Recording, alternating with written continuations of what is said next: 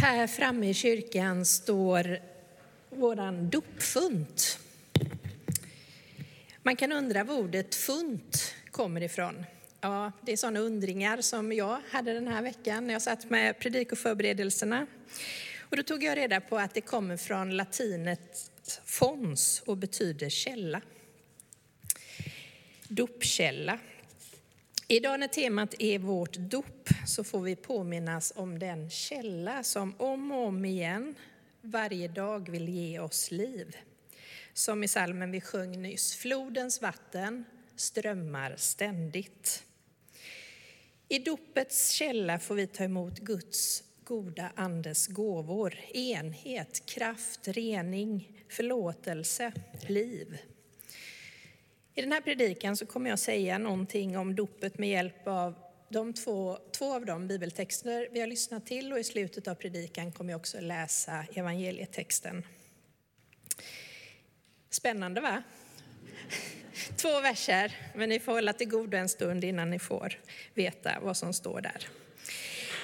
När jag läste den här texten om den etiopiska hovmannen som mötte Gud och ville döpas så låg det väldigt nära till hands för mig att tänka på dopphögtiden som vi hade här i kyrkan för en månad sedan ungefär. Då fem konfirmander döptes och vi erbjöd dopbekräftelse till alla oss andra. Vi som döptes som barn eller har döpts någon gång eller vi som är på väg mot vårt dop. Det är verkligen underbart och utmanande på samma gång att arbeta med tonåringar.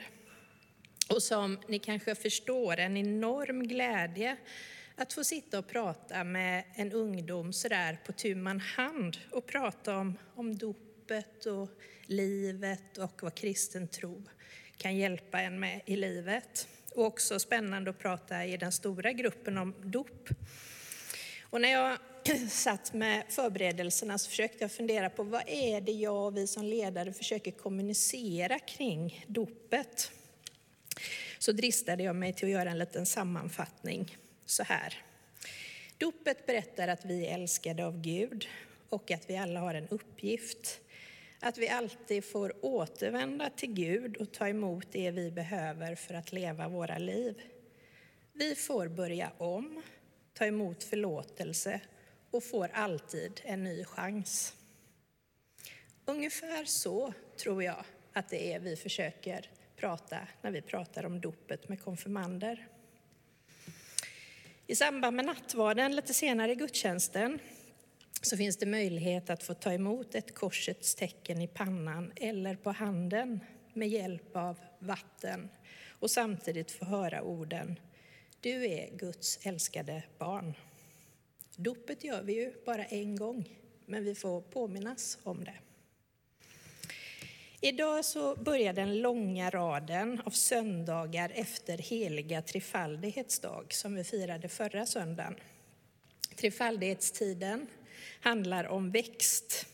Och det betyder att vi som vill följa Jesus, leva tillsammans med Gud, får växa som människor och ta emot Guds goda gåvor som den helige anden som är den kanske största gåvan som vill hjälpa oss att leva livet. Anden är ju hjälparen. Och det börjar med dopet.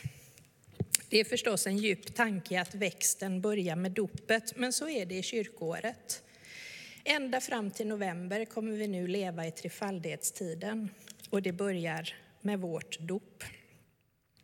Vi kommer följa texter som vill hjälpa oss att leva i dopet, leva i efterföljelse, leva i vårt uppdrag att sprida Guds rike, kärleken till både medmänniskor, oss själva och vårt jordklot. Fram till november är det teman vi närmar oss. Vi vet att allt liv på jorden föddes i vatten. Långt innan någon levande varelse fanns på jorden vimlade det av liv i havet. Allt liv måste ha vatten. Utan vatten inget liv helt enkelt. Och för att vi som nu lever på land ska kunna leva behövde vattnet dela sig i sina beståndsdelar, väte och syre för att vi ska kunna leva. Av detta förstår vi så snart levande varelser kravlade upp på land och började andas med lungor istället för gälar. Då kan vattnet betyda både liv och död. Det skapades en osynlig barriär mellan hav och land. De havslevande djuren dör på land och de landlevande dör under vattnet. I minnet av en uråldrig katastrof, en översvämning som täckte stora delar av det som vi idag kallar Mellanöstern, så föddes myten om Noa och hans ark. Lika lite som Adam och Eva är historiska personer är ju Noa och hans familj människor som verkligen har levat. Det viktiga med dessa urmyter, alltså Adam och Eva och Noa som vi har läst om idag, det är inte om det har hänt i verkligheten in i detalj, utan vad de myterna säger oss om att leva som människa på jorden. Adam och Eva, Noa och hans familj, det är vi, det är du och jag. Dessa berättelser handlar om oss. Och bakgrunden till den stora floden är ju väldigt intressant. Inte minst i vår tid, tänker jag, med hotande klimatkatastrof och stigande havsnivåer. Gud blev arg och besviken på människorna och deras ondska på jorden och beslöt att radera ut sin skapelse och börja om på nytt. Det här är alltså en av historiens äldsta berättelser om jordens undergång, den ultimata klimatkatastrofen. För även om vi alla inser att havet inte kan stiga sju meter över jordens högsta berg, så är en mindre översvämning tillräcklig för att döda alla. Tänk bara på dammen som brast i Ukraina i veckan med många döda som följd. Vatten förgör. Men nu handlar inte berättelsen om Noa bara om undergång, utan om hur Gud räddar en rest undan katastrofen. Sensmoralen, vad är den i den berättelsen? Ja, lyssna på Gud och lev rättfärdigt så kan du undkomma. Ingen på den tiden, verkade som i berättelsen, trodde på den galne Noa som byggde sin ark på torra land. Ungefär som vi in i det längsta inte vill tro på klimatforskarna. Vem ska man lyssna på? Vem ska man tro på? Ingen idé att bry sig.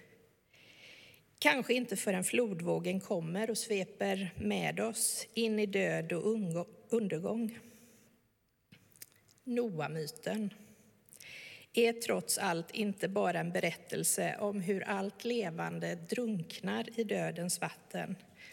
Det är framför allt en berättelse som finns där för att ge oss hopp om att Gud räddar sin skapelse från total undergång. Gud vill inte utplåna allt han har skapat. Så räddar han en grupp människor tillsammans med ett par av varje slags djur. Och regnbågen syns i skyn. Regnbågen med det hoppfulla löftet från Gud att livet kommer aldrig mer att raderas ut. Gud har en plan för att rädda sin skapelse. Det finns ett hopp och vi är det hoppet. Men till ett högt pris. Det måste vi erkänna. Alla de som drunknade, de har man ju funderat på väldigt många gånger. Det är en otroligt komplicerad berättelse om den i sin exakthet skulle vara att Gud såg till att den där floden dödade så många. De hade knappast förtjänat det personligen. Men som vi alla vet, olyckor, sjukdomar, naturkatastrofer drabbar inte rättvis. De bara kommer och lämnar oss med frågor som varför vi? Varför jag? Varför dem? Varför här? Och varför nu? Viktiga, nyttiga frågor utan svar. Från vatten som dödar, dödens vatten, vänder vi oss nu mot livets vatten. För även den som drunknar består till största delen av vatten. Vatten som en förutsättning för att vi alla ska leva. Det är genom vatten Gud räddar Noa och hans ark. Utan denna ark skulle de som fanns där inne också ha drunknat. Men arken flyter fram på havets yta oskadd. Det är därför som arken ofta har fått bli en symbol för att Gud räddade kyrkan. En symbol för kyrkan som seglar fram över tidens hav på väg mot evighetens strand. En poetisk bild, men den säger något viktigt om vad det är att vara en människa. Att död och undergång hotar oss alla i form av havets djup, där vi alla går under. Men Gud sänder en ark, räddningen, undan död och förintelse. Hur blir då den räddningen konkret? Hur tar den sig uttryck i ditt liv, i mitt liv? Ja, i berättelsen om Filippos och den etiopiska hovmannen så blir den här räddningen ytterst konkret. Liksom Noa får Filippos ett väldigt underligt uppdrag av Gud. Han ska ställa sig ute på en öde väg utan att veta varför. Men ganska snart får han veta. Det kommer en afrikan åkande i en vagn. En av dessa som trodde på judarnas osynlige men mäktige Gud. Han läser ett stycke i Jesaja som handlar om Jesus, men han visste förstås inte det. Han kanske inte ens hade hört talas om Jesus och vad som nyligen hade hänt i Jerusalem. Men det mest märkliga, tycker jag, i den här berättelsen, det är att så snart hovmannen hör Filippus berätta om Jesus och de kommer fram till ett ställe med vatten, så ber han om att få bli döpt. Utifrån den berättelsen så kan vi kanske förstå att i den första kristna undervisningen så var dopet en självklarhet. Att tro och bli döpt hörde ihop. Och på pingstdagen när Petrus avslutar sin långa predikan för folket och får frågan vad man nu ska göra, då svarar han Omvänd er och låt er alla döpas i Jesu Kristi namn så att ni får förlåtelse för era synder. Då får ni den heliga Ande som gåva. Ty löftet gäller för er och era barn och dem långt borta som Herren vår Gud vill kalla. Här finns missionsperspektivet och nu döps alltså en av dessa som levde långt borta i det dop som Jesus själv hade instiftat. Dopet i vatten och helig ande som Johannes döparen berättar om i dagens evangelium. Och nu, nu ska ni få det, evangeliet. Matteus kapitel 3, vers 11-12. Johannes säger, jag döper er med vatten för omvändelsens skull, men han som kommer efter mig är starkare än jag och jag är inte värdig att ta av honom hans sandaler. Han ska döpa er med helig ande och eld. Han har kastskoven i sin hand och ska rena den tröskade säden och samla vetet i sin lada. Men agnarna ska han bränna i en eld som aldrig slocknar. Ja, helt kort så handlar den här texten om flera dop. Johannes döpte för att människorna skulle omvända sig till Jesus och vänta på honom uppmärksamt och se till att inget hindrade dem att se när han kom. Johannes var medveten om att Jesus skulle komma med något betydligt mer livsförvandlande än det dop han kunde erbjuda. Han skulle komma med himmelriket rakt in i varje människas liv. Och då måste det städas. Dopet i eld är kanske beskrivningen av himmelrikets renande effekt. Förmågan att ta bort allt dött skräp i våra liv så att vi verkligen kan leva. Att inget hindrar livet. Och dopet i helig ande är kraften som ges och vägleder till ett rikare liv. Anden skulle komma för att aldrig lämna oss. Och elden, elden ska aldrig slockna. Så vad är det att leva i sitt dop? Det är att hela tiden låta sig renas från det onda, från skalet, från agnarna. Att låta Gud hjälpa oss att få bort det som hindrar mitt eget liv, andras liv, jordens liv. Vi behöver att Gud hjälper oss att blåsa bort agnarna från fröet för att livets självaste kärna ska kunna falla i hjärtats goda jord, slå rot och växa i Andens kraft. Det är Jesus som döper oss i sin ande och eld, han som kom för att vi, alla människor, skulle ha liv och liv i överflöd. Elden bränner oss inte, men den befriar oss. Anden ger liv och glädje. Och jag vill avsluta den här predikan med att läsa från bibelparafrasen The Message, exakt samma bibelställe men med en annan ordalydelse.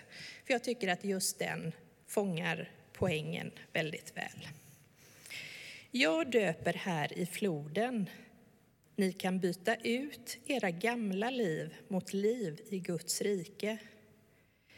Men det stora steget kommer sedan, huvudpersonen i hela dramat, där jag bara är scenarbetare, ska tända Gudsrikets livseld i er, den heliga Anden, och förvandla er inifrån och ut. Han ska göra rent hus, en storstädning i era liv. Allt som är sant och äkta skall han ställa på dess rätta plats framför Gud. Allt falskt lägger han på skräphögen och bränner upp. Låt oss be. Tack Gud att vi får leva i ditt rike, omslutna av dopets vatten, renade av din eld.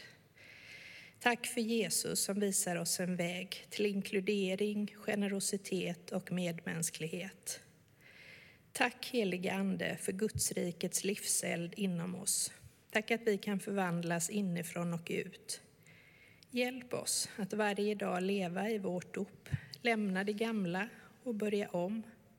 Ta emot din villkorslösa kärlek för att ge den vidare i ord och handling. Amen.